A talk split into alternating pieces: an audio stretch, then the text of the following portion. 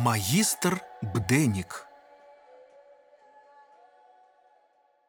Перш, чым выйсці ў доўгі калідор і накіравацца да свайго кабінета, першы дырэктар Губель затрымаўся ў прахадной, каб языком зняць з зубоў рэшткі салаты, якія ён выпадкова заўважыў у адлюстраванні.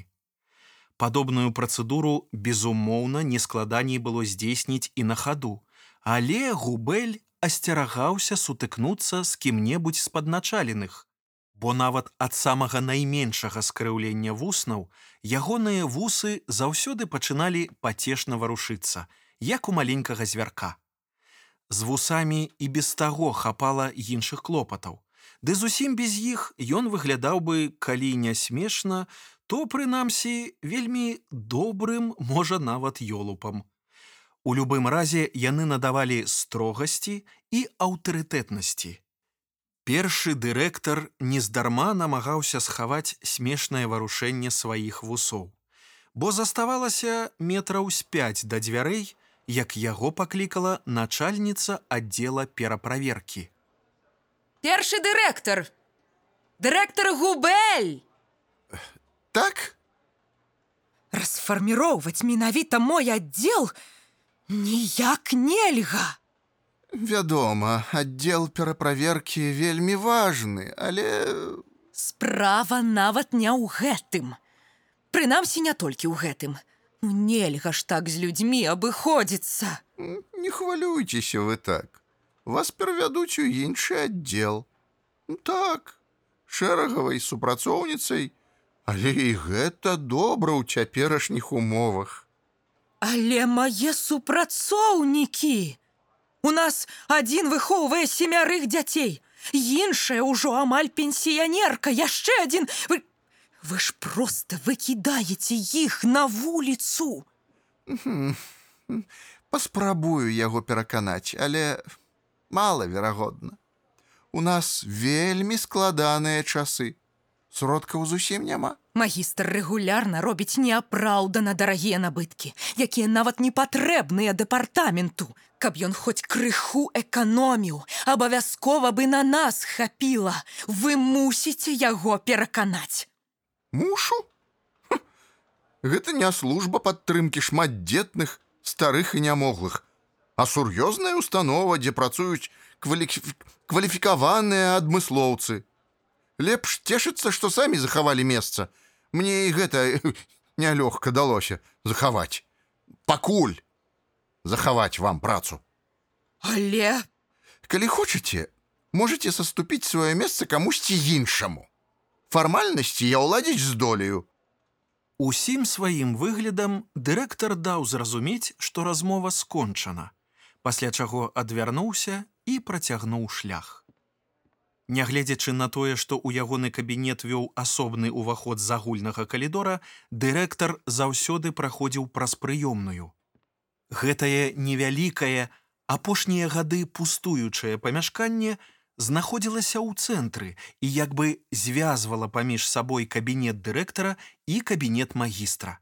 Апошні таксама меў свой уваход, але які, тым не менш, ніколі не адмыкаўся.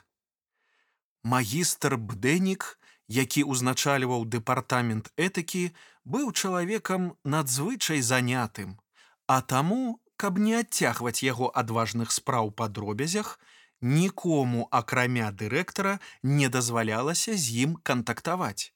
У скрайнім выпадку для гэтага служылі тры скрыначкі, якія віселі ў прыёмнай каля яго дзвярэй. У першай адчыненай можна было знайсці даручэнні, загады і іншыя важныя дакументы ад магістра супрацоўнікам.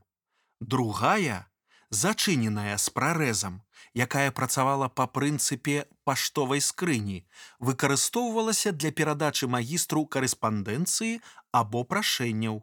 А трэцяя сейф праз які магістр атрымліваў заробак, ды ключ ад якога меўся толькі ў яго і ў бухгалтара. Спраўдзіўшы, што ўсё ў парадку, а скрыначкі пустыя, як ён заўсёды гэта рабіў па раніцах, Дырэктар Губель адчыніў на росхрыст унутраныя дзверы свайго кабінета і сеў за працоўны стол. Бліжэйшыя дні чакаліся вельмі напружанымі, але ў той жа час яго лашчыла думка пра хуткі адпачынак. Напружанымі яны звычайна выпадалі не толькі таму, што трэба было шмат чаго падрыхтаваць на час сваёй адсутнасці, але з-за асабліва вялікага наплыву наведвальнікаў, якія імкнуліся паспець пра нешта для сябе папрасіць у дырэктара, пакуль ён не сышоў у адпачынак. Губель нават не паспеў дапіць ранішнюю каву, як у прыёмнай з'явілася чарговая супрацоўніца, начальніца аддзела экспертызы, якая нясмела выглядвала з-за дзвярнога вушака. У ранейшыя часы наведвальнікаў у прыёмнай сустракала сакратарка. Іх змянілася мноства, але часцей гэта была бескампрамісная, немаладая жанчына строгага выгляду, якая выступала галоўным фарпостам на шляху любога, хто адважваўся патурбаваць начальства. У тыя часы і сам губель займаў галоўны кабінет, ды некалі быў змушаны саступіць яго бдэніку, які з пасады дырэктара дарос да пасады магістра. Усё даўно змянілася. І цяпер першаму дырэктару даводзілася самому спраўляцца з усімі незадаволенымі, абуранымі, пакрыўджанымі, прасіцелямі, скаржнікамі і любой іншай шушамеллю, хто лічыў свой клопат надзвычай важным. Ды заходь ужо! Злёгку прыкрыкнуў дырэктар рудавалосай жанчыне. Адзінае, колькі яшчэ паўтараць, што заходзіць трэба праз мае дзверы, а не ў прыёмную, калі нічога для магістра. За лішні шум яму замінае. Даруйце, Што хацела? э, скажыце, э, гэта праўда, што нам аб'ём працы павялічваюць утрая. Часы цяпер такія. Сродкаў не хапае. Магістру прыйшлося нават аддзел пераправеркі расфарміраваць. Я б на вашым месцы нават цешыўся, што праца знаходзіцца, бо кагосьці яму прыйшлося звольніць. Так, вы маеце рацыю, але ці можна нам хаця б у кабінет новую мэблю закупіць? Вам не сорамна. Перыяд вельмі складаны. Грошай не хапае нават для вашых калегаў, А вы мэблю просіць. Але мы даўно просім, ужо сёмы год. Ды і тамака нічога надзвычайнага, хаця б некалькі крэслаў. Мэбля старая з часоў першай рэспублікі, хістаецца, крышыцца, бо вельмі цяжка ўвесь дзень стоячы за сталом працаваць, як няма на чым сядзець. Вы ж разумееце, чаго мне гэта каштуе. Толькі нядаўна. М, Летась дамовіўся паставіць вам новае а- акно, каб снег не трапляў і не замярзалі. А, а зараз гэта. Вы наша надзея, наш выратавальнік. М. Ах, Паспрабую. Нічога не абяцаю, але паспрабую. Дзякуй вам вялікі. Ужо хаця б гэта будзе для нас вялікім падарункам. Начальніца аддзела экспертызы моўчкі пераступала з нагі на нагу і, верагодна, хацела прасіць яшчэ пра штосьці. Але да палёгкі дырэктара ёй перашкодзіў тэлефонны званок. Добра, удакладню, а цяпер мне трэба во-во адказаць. Аднак выратаванне аказалася зманлівым. На тым канцы провада хрыпеў голас ваяводы, які перыядычна тэлефанаваў, каб выказаць губелю абурэнне ці незадаволенасць працай магістра бдэніка і ўсяго дэпартамента этыкі. Гэтым разам ваявода каля паўгадзіны адчытваў магістра праз вушы першага дырэктара за пастаянныя скаргі, якія паступалі на іх дэпартамент ва ўпраўленні скаргаў. Занадта доўгі разгляд этычных спраў, нягледзячы на бюджэт і магчымасць наняць больш супрацоўнікаў для своечасовай працы, патрабаваў больш пільнай увагі бдэніка да справы па парушэнні этыкі работнікамі фабрыкі вяхотак, а таксама пералічыў іншыя драбнейшыя, але надзвычай шматлікія заўвагі. Першы дырэктар даўно звыкся да падобных наганяяў ад начальства. Ён быў чалавекам дасведчаным і разумеў, што ні ў якім разе не варта спрачацца, апраўдвацца ці штосьці даказваць. Галоўнае моўчкі выслухаць і пагадзіцца. У гэтым заключаўся залог добрых адносін. Тым не менш, падобныя званкі ўсё роўна выклікалі ў губеля стрэс. Хай і не такі моцны, як у маладосці. Да шчасця, ён ведаў як і ўмеў хутка з ім спраўляцца. Для гэтай мэты ў яго заўсёды мелася дзве бутэлькі каньяку. Адна распачатая і яшчэ адна неадкрытая на ўсялякі выпадак, якія хаваліся ў тумбачцы пад замком. У выпадках важных сустрэч губель запасаўся трэцяй для госця ці гасцей, але крыху горшай якасці і таннейшай. Перш чым здымаць стрэс, губель зачыніў дзверы ў свой кабінет і абавязкова у прыёмную. Потым ён расслабіў рамень, які даводзілася вельмі моцна сцягваць, каб згладзіць брыдка акруглены жывот.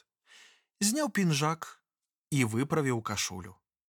Нарэшце, з нарастаючым чаканнем ён дастаў з тумбачкі каньяк і падарункавы кубак з нейкай канферэнцыі.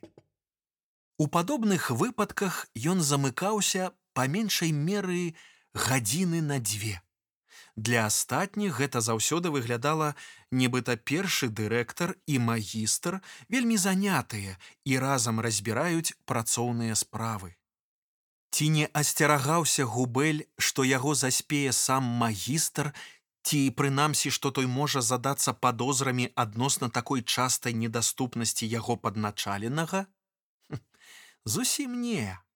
Супрацоўнікі дэпартамента этыкі не бачылі магістра бдэніка ўжо гадоў 10 Ён так шмат часу аддаваў працы што прыходзіў раней за ўсіх а затрымліваўся пазней за ўсіх а ў асабліва цяжкія дні нават заставаўся начаваць у кабінеце і быў так захоплены, што на працягу дня нікуды не выходзіў. Дырэктар губель і сам не бачыў магістра. Ніколі. Неяк, каб атрымліваць дадатковы заробак, ён зрабіў прызначэнне, у выніку якога ў дырэктара дэпартамента этыкі быццам з'явіўся асабісты памочнік па імені бдэнік, які неўзабаве даслужыўся да пасады намесніка дырэктара з адпаведным падвышэннем аплаты працы. Кар'ера бдэніка ў дэпартаменце аказалася дастаткова імклівай, бо губель зразумеў, што дадатковы заробак толькі малая частка выгод, які ён можа атрымліваць ад неіснуючага работніка. Каб дапамагчы бдэніку плаўна, без падазроных скокаў, каб не звяртаць непажаданай увагі, дарасці да самай высокай пасады, губель хітраваўся на рознага кшталту мудраелістыя выкруты. Так пасля пазіцыі асабістага памочніка і намесніка, калі трэба было перавесці бдэніка на больш высокую прыступку з шырокімі, такімі ж, як у яго самога паўнамоцтвамі, але прытым не дублюючы кіруючую пасаду, губель прызначыў таго дырэктарам, а для сябе прыдумаў пасаду першага дырэктара. Усё гэта патрабавалася, каб астатнія, як супрацоўнікі дэпартамента, так і вышэйшае кіраўніцтва паступова прызвычаіліся да персоны бдэніка. Каб вымалявалася паслядоўная і лагічная лінія яго росту, каб вакол яго паспела сфармавацца гісторыя з папер і дакументаў, якія ўмацоўвалі сапраўднасць яго існавання. Нарэшце, на апошнім этапе Губель злаўчыўся зрабіць так, каб не паніжаючы сябе на пасадзе і без нязграбных перастановак бдэнік здабыў вяршэнства ўлады і паўнамоцтваў. З гэтай мэтай ён стварыў для свайго дзецішча пасаду магістра дэпартамента этыкі. Толькі пасля гэтага ў поўнай ступені раскрыліся ўсе патэнцыйныя магчымасці, якія губель мог атрымаць ад існавання бдэніка. Цяпер яму, як уплывоваму, але ніжэй стаячаму, слушна былі даступныя падзякі ў розных іх праявах. Ад тых, каму пагражала рашэнне бдэніка па той ці іншай этычнай справе і каму першы дырэктар мог дапамагчы пазбегнуць неспрыяльнага зыходу, пераканаўшы магістра ці іншым чынам паўплываўшы на справу. Не баючыся пакарання, ён меў магчымасць распараджацца фінансамі дэпартамента ў сваіх інтарэсах, што б гэта ні значыла. Ён мог набываць усё, што заўгодна для сябе, ад мэблі ва ўласны дом да прыладдзя або абсталявання, але як бы на баланс дэпартамента і ад імя бдэніка і пад яго адказнасць. Усе заслугі належалі губелю. У той жа час, як хібы, промахі, недапрацоўкі прыпісваліся бдэніку. Мала таго, на фоне магістра першы дырэктар выглядаў эталонам кіраўніка як перад супрацоўнікамі, чалавечным, чулівым, гатовым заступіцца і падтрымаць, так і перад вышэйшым кіраўніцтвам, якое бачыла ў яго асобе надзею дэпартамента бездакорнага вопытнага спецыяліста, да якога нярэдка звярталася, каб выправіць памылкі працы магістра. Бдэнік быў незаменны і тады, калі патрабавалася пазбегнуць аспрэчвання і прэтэнзій наконт прыняцця жорсткіх мер ды рашэнняў. Для першага дырэктара бдэнік быў больш, чым проста імя ў дакументах. Ён уяўляў сабой цэлую прастору. Прастору, у якой губель з аднаго боку адчуваў свабоду, бяспеку, адсутнасць страху, а з іншага смеласць рабіць любыя крокі без наступстваў і бяскарна. Так, беспакаранасць за хітрасць і нават па фармальных мерках злачынствы, але і беспакаранасць, якая дазваляла зрэдку эксперыментаваць, спрабаваць новае, спрабаваць рэалізаваць прыдуманае. Бдэнік з'яўляўся прасторай дабрабыту, спакою, упэўненасці, прасторай, якая пакідала губелю толькі лепшае і адцягвала на сябе самае кепскае, якая аберагала яго як маці, клапатліва засцерагае дзіця. У той жа час і самога бдэніка нярэдка даводзілася засцерагаць ад небяспек. І чым больш ён абрастаў паўнамоцтвамі, пераходзячы ад пасады да пасады, тым у большай абароне меў патрэбу. Менавіта таму губель вынайшоў цэлую сістэму складаных правілаў вакол фігуры магістра, засцярог і тлумачэнняў, якія б іх апраўдвалі. Ці з'яўляліся некаторыя з іх неверагоднымі ці дзіўнымі? Вядома, мусіць нават большасць з іх. Але супрацоўнікі дэпартамента, тым не менш, ані разу не дапускалі сумневаў, якія былі б здольныя пахіснуць веру ў магістра. Варта справядліва заўважыць, што глебу для дзіўнага вобраза бдэніка падрыхтавалі дзівакаватыя звычкі самога губеля, з якімі за некалькі дзясяткаў гадоў усе паспелі звыкнуцца ды перасталі ўспрымаць як нешта экстраардынарнае. Сярод самага бяскрыўднага, што вытвараў першы дырэктар, была практыка перыядычна працаваць не ў сваім кабінеце, а ў адным з аддзелаў, у бухгалтэрыі, а то і ў каморцы вахцёра. Любоў залазіць на дах дэпартамента, каб папіць кавы на свежым паветры і за салодай ад прыгожага краявіду. Звычка ляжаць на камодзе пасля абеду. Схільнасць хадзіць па кабінеце басанож. Вось і цяпер, скончыўшы з чарговай порцыяй каньяку, першы дырэктар зняў чаравікі са шкарпэткамі і нядбайна кінуў іх побач з тэлефонам, які стаяў на падлозе збоку ад стала. Для выпадкаў, калі нехта з вышэйшага кіраўніцтва настойваў на размове з магістрам, у губеля меўся другі тэлефонны апарат, для карыстання якім у яго ўмела атрымлівалася імітаваць чужы голас. Але каб не пераблытаць, каму менавіта званок, ён прыбраў са стала на падлогу тэлефонны апарат для магістра. Нягледзячы на напружаны пачатак, рэшта апошняга працоўнага дня перад адпачынкам цягнулася плаўна і прыемна, як нейкая салодкая смаката. Шмат у чым дзякуючы зачыненым дзвярам, каньяку і фантазіям пра адпачынак. За гадзіну да сыходу першы дырэктар усё ж прыняў яшчэ некалькі супрацоўнікаў з розных аддзелаў, але гэтыя наведвальнікі з іх праблемамі, скаргамі і просьбамі ўжо не здольныя былі азмрочыць яго настрой. Губель ужо ўяўляў, як паедзе за горад, адмяжуецца ад усіх прыродай, будзе катацца на ровары па дзікіх сцежках, парыцца ў любімай лазні і проста валяцца на траве ды грэцца на сонейку. З засцярог губель не браў вялікі водпуск, а раўнамерна разбіваў на некалькі маленькіх. Выявілася, што так нават зручней, ды больш адпачываеш з аднаго боку часцей, а з іншага не паспяваеш упасці ў нуду, мучэнні ад гультайства, засумаваць без дэпартамента. Так і гэтым разам. Усё ішло цудоўна. Некаторую частку водпуску ён удзяліў сям'і, ды ўвесь астатні час толькі сабе. Не рамонту або будаўніцтву, прыборкам, чужым клопатам, рашэнню назапашаных праблем, а толькі сабе. Інакш, як лічыў губель, сэнсу ў адпачынку няма, калі ён чымсьці абцяжараны.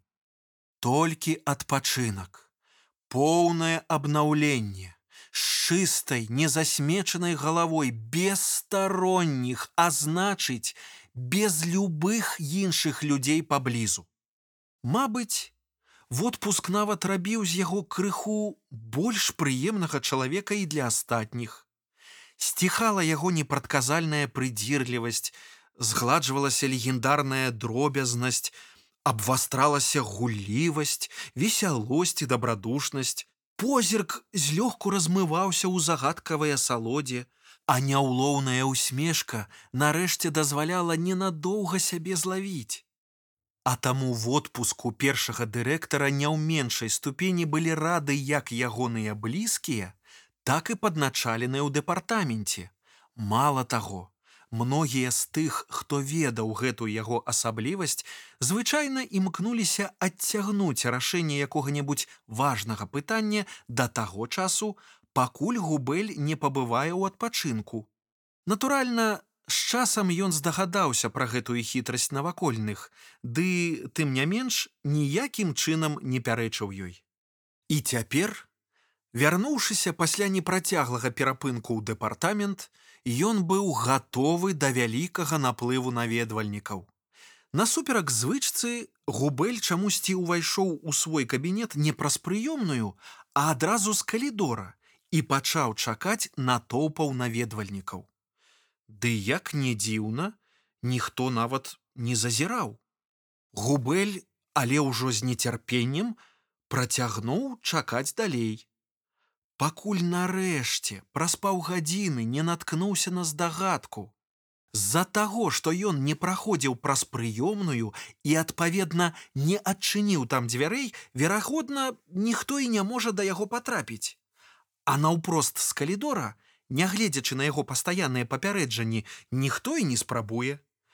Таму першы дырэктар вырашыў адчыніць усе дзверы і сачыць за далейшым развіццём падзей. Ён ужо прадчуваў, як будзе адчытваць за тое, што шумяць і замінаюць магістру, усіх тых, хто абавязкова неўзабаве хлыне праз прыёмную. Але варта было першаму дырэктару акінуць беглым позіркам памяшканне прыёмнай, як ад прыўзнятага настрою не засталося ані следу. Да свайго жаху ён выявіў, што са сцяны ля ўвахода зніклі тры маленькія скрыначкі магістра, пра якія нагадвалі толькі квадрацікі невыцвілых на сонцы шпалераў і некалькі цвікоў. Амаль бегам губель паспяшаўся на трэці паверх да аднаго са сваіх намеснікаў, які ў яго адсутнасць атрымліваў крыху больш за звычайныя паўнамоцтваў і адказнасці, ды які акурат мусіў сачыць за парадкам у дэпартаменце. Па дарозе першы дырэктар падбіраў найгоршыя словы і спосабы ў поўнай ступені выказаць абурэнні і злосць ды нават не паспеў падумаць, што магло паслужыць нагодай такога абуральнага здарэння. Губель з усяе сілы расчыніў дзверы так, што яны дасягнулі сцяны, адскочылі і ледзь было не ўдарылі яго ў адказ. Імаверна, намеснік, як чалавек дасведчаны, даўно аказаўся гатовы да падобнай рэакцыі, а таму ўжо пасля першых слоў, дакладней нават назваць гэта крыкам, першага дырэктара здолеў хутка і рэзка збіць полымя, якое пагражала спапяліць мужчыну. Ён спакойна, непарушна паведаміў губелю, што скрыні прыбралі па просьбе самога магістра бдэніка. Цяжка перадаць усё тое, што ў гэта імгненне і пазней адчуў губель. Але, пачынаючы з гэтага злашчаснага дня, і гэтых злашчасных слоў першы дырэктар быццам цалкам памяняўся месцамі са сваімі падначаленымі. Цяпер яны мелі зносіны з магістрам наўпрост. А ён толькі атрымліваў паперкі з загадамі, заданнямі і распараджэннямі. Цяпер ён быў вымушаны рабіць здагадкі пра асобу бдэніка, яго знешнасць і звычкі, Для гэтага ён нават стаў адмыслова хадзіць па калідорах дэпартамента, каб падслухаць і па макулінках, урыўках размоваў супрацоўнікаў паміж сабой сабраць хоць нейкую інфармацыю. Вядома, ніхто першаму дырэктару не забараняў.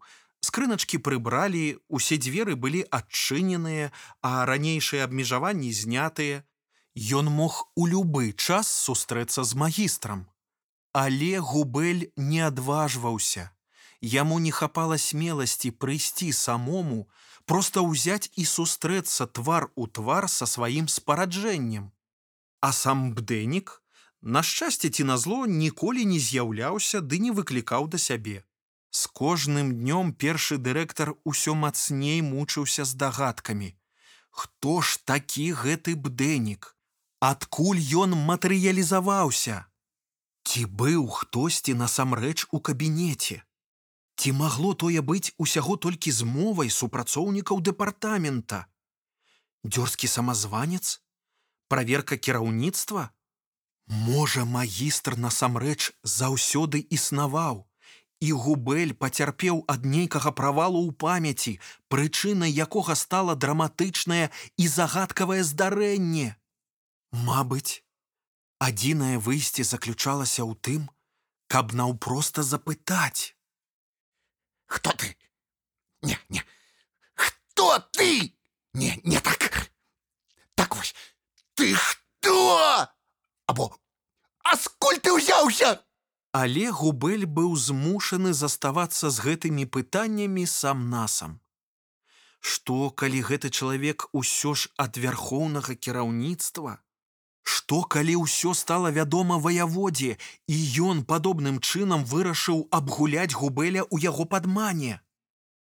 У такім выпадку агучыць гэтыя пытанні, паставіць пад сумнеў існаванне бдэніка, сапраўднасць існавання якога менавіта ён сам сцвярджаў і гарантаваў, з'явілася б фактычным прызнаннем уласнага злачынства і ўсяго з гэтым звязанага. Складана было ўявіць, якія наступствы маглі пацягнуць такія пытанні. З той самай прычыны першы дырэктар не мог нікому сказаць: « Гэта не ён, яго не існуе. Тым не менш, На выпадак, калі ён памыляўся, дырэктар Губель спрабаваў прамацаць глебу, намякнуць вышэйшаму кіраўніцтву пад той ці іншай падставай, што магістра варта было б звольніць. Ды зверху яму адназначна давалі зразумець, што не маюць магчымасці звальняць тых, каго не прызначалі. Першы дырэктар апынуўся ў становішчы, калі яго магло звольніць як вышэйшае кіраўніцтва, якое яго і прызначыла, так і сам магістр, як вышэй стаячы. Але з таго моманту, як губель стварыў пасаду магістра і надзяліў яе ўсёй паўнатой паўнамоцтваў, ніхто ўжо не быў здольны звольніць самога бдэніка. Мабыць, змірыцца з матэрыялізацыяй бдэніка было адзіным рашэннем, неабходнасцю, якая пакідала надзею зберагчы сябе ад яшчэ горшых наступстваў. Тым часам, пакуль губель шукаў рашэнне, яму няспынна паступалі ад магістра заданні і распараджэнні, ад чаго ён натуральна даўно адвык. Не столькі нават ад выканання якіх-небудзь задач, колькі ад таго, што іх вызначаў не ён сам. Безумоўна, першы дырэктар адвык і ад такой вялікай іх колькасці, а яны паступалі штодня, адно за адным. А характар заданняў не дазваляў зваліць іх на кагосьці з падначаленых. Ён нават не мог уявіць, што магчыма было столькі ўсяго прыдумаць ды адначасова злаваў і дзівіўся езуіцкай вынаходлівасці свайго нядаўняга падначаленага. Яго некалі цнатлівы кабінет абрастаў паперкамі і тэчкамі, а працоўны графік запаўняўся на месяцы наперад. Варта было скончыць адну справу, як па яе выніках узнікала яшчэ некалькі. У нейкі момант першы дырэктар страціў надзею і сапраўды прызнаўся перад самім сабой, што прайграў у гэтай гонцы. Губель непрыкметна прызвычаіўся да думкі, што варта сыходзіць. Не так ён уяўляў сабе завяршэнне службы, ды і насамрэч ніколі не думаў пра гэта раней. Адзіным, што магло яго парадаваць, было тое, што старых грахоў ніхто не варушыў, і, падавалася, ён мог захаваць беспакаранасць у якасці своеасаблівай кампенсацыі. На шчасце, яму не давялося прасіць самому і што важней, так і не прыйшлося сустракацца з магістрам асабіста. Мабыць, губель нават адчуў палёгку, калі было вырашана адправіць першага дырэктара на даўно чаканую пенсію. Каб саступіць месца маладзейшым, здольным спраўляцца з інтэнсіўнай і адказнай працай. Магістр Бдэнік. Мастацкі падкаст па тэксце Кірыла Стаселькі. Ролі агучвалі Сергей Чуб, Олег Гарбус і Крысціна Дробыш. Падпісвайцеся на падкаст на ўсіх буйных пляцоўках, каб не прапусціць новыя выпускі.